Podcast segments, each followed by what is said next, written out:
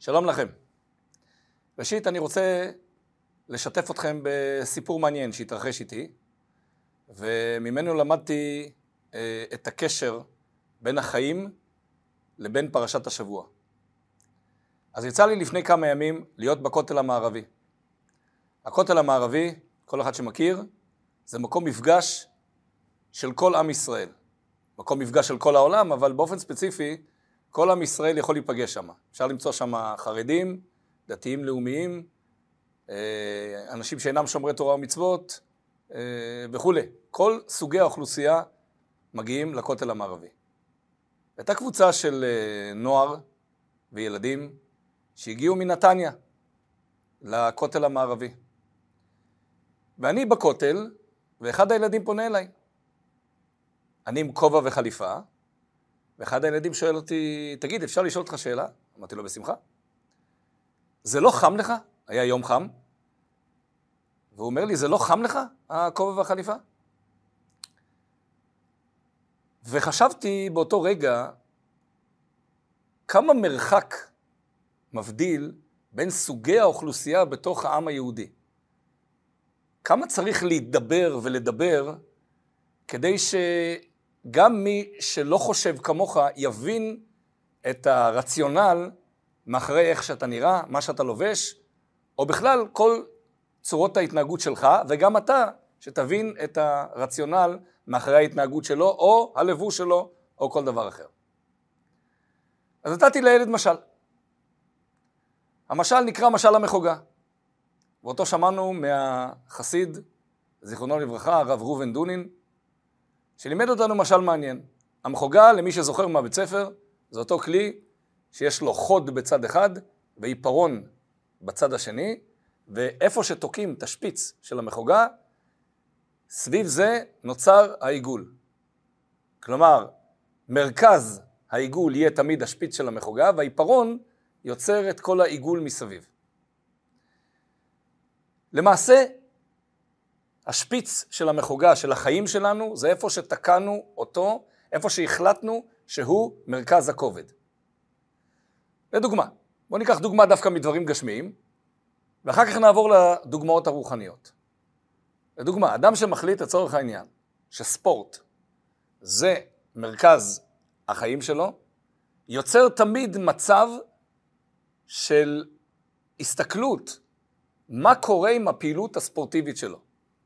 בין אם זה פעילות ספורטיבית של עצמו, ולפי זה הוא יוצר את היום, זאת אומרת, כשהוא יבוא לחשוב מה אני עושה מחר, אז הפעילות הספורטיבית, הכושר הגופני, או מה שזה לא יהיה, הוא יהיה מרכז העניינים. סביב זה ייווצר הכל. אם זה יתחיל את היום, אז היום שלו יתחיל אחרי שעה או שעתיים או שלוש, מה שהוא יקבע.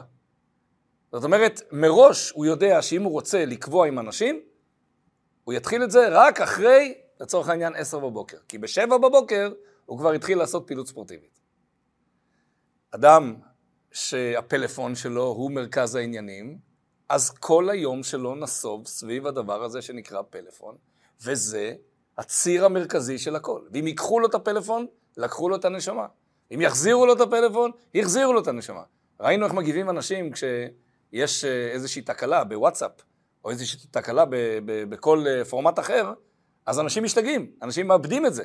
למה? בגלל שכל ציר החיים שלהם סובב סביב הדבר הזה.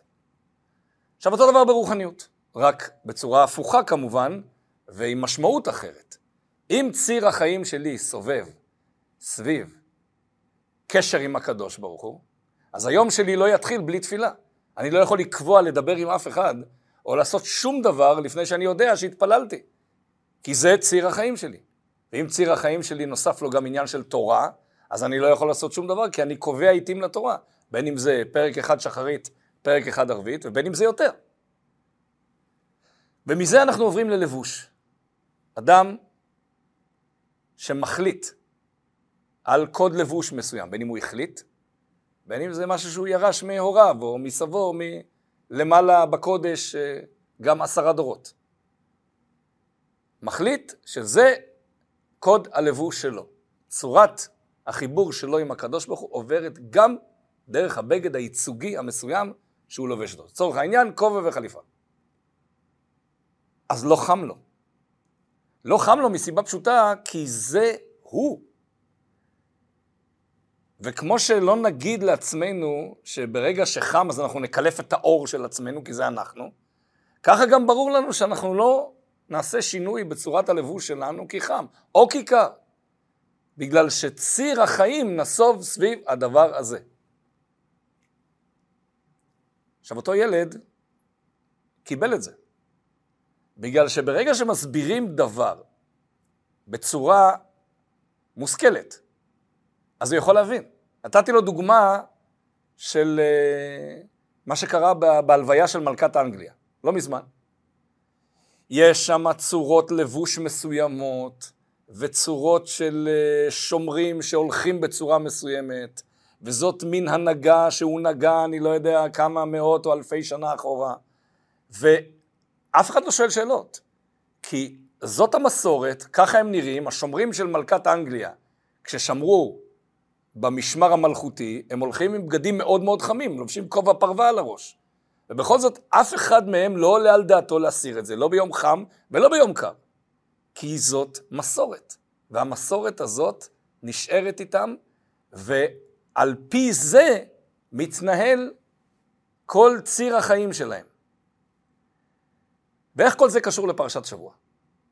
בפרשת השבוע, פרשת תולדות, אנחנו מוצאים את סיפור יעקב ועשו. מגיע זמן האבלות על אברהם אבינו, ויעקב עושה נזיד, נזיד עדשים. ועשו פונה ליעקב ואומר לו, הליטני נא מן האדום האדום הזה כי עייף אנוכי. אני רוצה לאכול מזה. אני רוצה לגמוע מזה. יעקב אומר לעשו, אין שום בעיה, אני אתן לך לאכול, אבל מכרה כיום את בכורתך, אתה צריך למכור לי את הבכורה. כי אני צריך לקבל בתמורה למה שאתה רוצה לאכול, אני רוצה לקבל בתמורה את הבכורה שלך. ועשו מגיב בפסוק שבעצם מראה לנו את ההבדל המהותי בין עשו לבין יעקב. ויאמר עשו, הנה אלוכי הולך למות, ולמה זה לי בכורה? הפסוק הזה נמצא בפרק כ"ה, פסוק ל"ב. למה זה לי בכורה? מה, בשביל מה אני צריך את הבכורה? ורש"י מסביר שהבכורה, כש, כשהיה אה, עדיין אמור להיות שהבכור יעבוד בבית המקדש, היא גוררת איתה הגבלות. הוא לא יכול להיכנס שטוי יין לבית המקדש, הוא לא יכול להיכנס פרוע ראש לבית המקדש. אז אומר עשיו, אם אני הולך למות בגלל כל המגבלות האלה של הבכורה, אז למה זה לי בכורה? אני לא צריך בכורה בכלל. מה ההסתכלות? שימו לב לדברים. אם הדברים האלה ייצרו לי מגבלה, אני לא רוצה אותם. עכשיו, כשפונים ליעקב, הוא גם יודע שמי שנכנס פרוע ראש לבית המקדש, או שטוי יין לבית המקדש, אז הוא ימצא את מותו. אבל זה לא מפריע לו. זאת לא מגבלה. בעצם מה שעשו אומר, זה שכל מגבלה שמפריעה לי לחיות את החיים הסטנדרטיים שלי, אני לא רוצה אותה. מה קורה אצל יעקב? יעקב אומר, אני פשוט לא קורא לזה מגבלה. אני קורא לזה החיים בעצמם. בטח, ודאי, שמי שנכנס שטוי יין למקדש, הוא ימות. למה? כי זה מקום מקודש. כי למקום הזה לא נכנסים איך שרוצים. אבל הפוך, זה רק יוצר לי תשוקה יותר גדולה להיות בכור עובד בבית המקדש. לא משנה שאחר כך העבודה בבית המקדש ניטלה מהבכורות וניתנה לכהנים.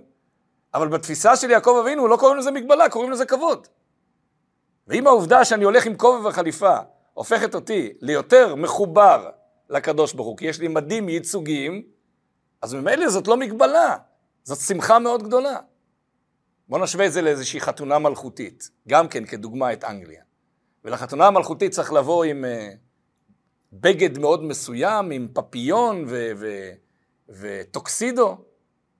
אז מה יגידו אותם, לצורך העניין, 100 מוזמנים, שחייבו אותם לבוא עם בגד מסוים? אוי, חבל, יום חם, יום קר. בדיוק הפוך. בגלל שאני נבחרתי והייתי בר מזל להיות מאלה שמוזמנים לחתונה, אני שמח שאמרו לי לשים טוקסידו, או אמרו לי לשים פפיון. בגלל שככה אני רואה את עצמי כנבחר ביותר להגיע למעמד הזה. זה קומפלימנט מאוד גדול. אז השאלה של חם וקר, זה שאלה של תפיסה בראש. חם לי בדבר שהוא עול, בדבר שהוא לא אני, בדבר שמישהו אמר לי להוסיף אותו, או יותר גרוע מזה, מישהו שהכריח אותי לשים אותו. אבל דבר שהוא שלי, דבר שהוא חלק ממני, הוא אף פעם לא חם. הוא קומפלמנט מאוד גדול. וזה משל המחוגה. ברגע שהשפיץ של המחוגה תקוע בעצם זה שאני רוצה להיות קרוב לקדוש ברוך הוא, אז כל מה שמבחינתי יהפוך אותי ליותר קרוב לקדוש ברוך הוא, מבחינתי, אני יוצר סביב זה את העיגול. הוא בפנים, הכל בסדר. ומבגד אפשר לעבור בכלל לכל המצוות. לא קשה לך להניח תפילין כל בוקר? לא קשה לך להתפלל כל בוקר? לא קשה לך בשבת לא להדליק אור או לא להשתמש במחשב? לא, לא קשה. לא קשה כי בתפיסה שלנו כיהודים, אנחנו מרגישים שהמגבלה הזאת יוצרת קשר בינינו לבין הקדוש ברוך הוא. אז כל דבר שיוצר קשר לא הופך להיות מעמסה, הופך להיות קומפלמנט גדול, ציון לשבח גדול, שהקדוש ברוך הוא אומר, ועליכם אני סומך שאתם תעשו את הדברים האלה כי מצווה מלשון צוותא וחיבור, וזה מה שמחבר בינינו. לאומות העולם נתתי רק שבע מצוות בני נוח. לא תרי"ג, לא 613. אבל לכם, היהודים, נתתי 613 מצוות, כי אני חושב שהקשר בינינו הוא קשר הרבה יותר חזק. קשר של אב לבן. אב מצווה לבנו, אבל אב לא מצווה לבן של השכן, כי אין ביניהם שום uh, קומוניקציה, שום קשר. ואם כן, אז זה דברים מאוד מאוד בסיסיים. אבל בכל מה שקשור לצוותא וחיבור אמיתי, אז הקשר בין האבא לבן הוא הרבה יותר חזק. אז מי שלובש כובע וחליפה ומרגיש שמבחינתו זה יוצר יותר קשר, מצוין. מי שלא, וצורת הלבוש שלו מבחינתו לא מחייבת כובע וחליפה, הכל בסדר. אבל אי אפשר להגיד חם וקר כדבר, כאיזשהו דבר אבסולוטי, בכלל לא. זה ראייה סובייקטיבית לחלוטין, זה בעיני המתבונן, וברגע שהמתבונן תופס את זה כדבר שהוא מקרב אותו לקדוש ברוך הוא, מקרב אותו לאלוקים, אז ממילא כבר לא חם לו, לא קר לו, והוא שמח בעשייה הזאת. ומכאן בעצם אפשר להגיע לאיך מגיעים לשמירת מצוות, או אפילו באופן ספציפי שמירת מצווה מסוימת. ברגע שמתרגלים אליה, ברגע שמבינים את הקשר שהיא יוצרת בינינו לבין הקדוש ברוך הוא, ברגע שמבינים את ה, גם את הרציונל מאחורי המצווה, וגם את מעבר לרציונל, מעבר לשכל, את הדבר העל-שכלי שיש בכל מצווה, לאו דווקא שזה מגיע בהבנה, אבל מגיע באיזושהי אה, תובנה שיש דברים מעל השכל, שאנחנו מבינים את הערך של המצווה, אנחנו מזדהים עם הערך של המצווה, היא הופכת להיות יותר קלה לביצוע. לכן, גם אצל עצמנו, וגם בנוגע לחינוך הילדים, כשמגיעים לגיל שאפשר להסביר איזושהי תובנה בתוך המצווה, שאפשר להפוך את המצווה ליותר קרבה אל השכל, יותר uh, לתת לה ידיים ורגליים, אורך ורוחב, מדרשים על המצווה, את, ה, את הצבע של המצווה, את הנופך הפנימי של, ה, של המצווה, אז רצוי וצריך להעביר את זה גם הלאה. וככה זה לא רק תעשה כי אני אמרתי לעשות, אלא גם התפיסה היותר uh, רגשית בתוך המצווה. ואז המצווה יותר קרובה לשכל, יותר מובנת, יותר מחוברת, ויותר קל uh, לעשות אותה.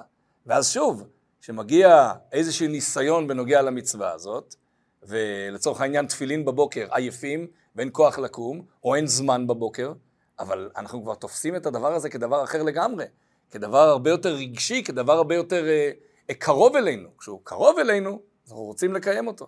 רוצים לקיים אותו, אנחנו גם נמצא בשבילו את הזמן המתאים ואת uh, כל הדברים שצריך כדי לעשות אותו.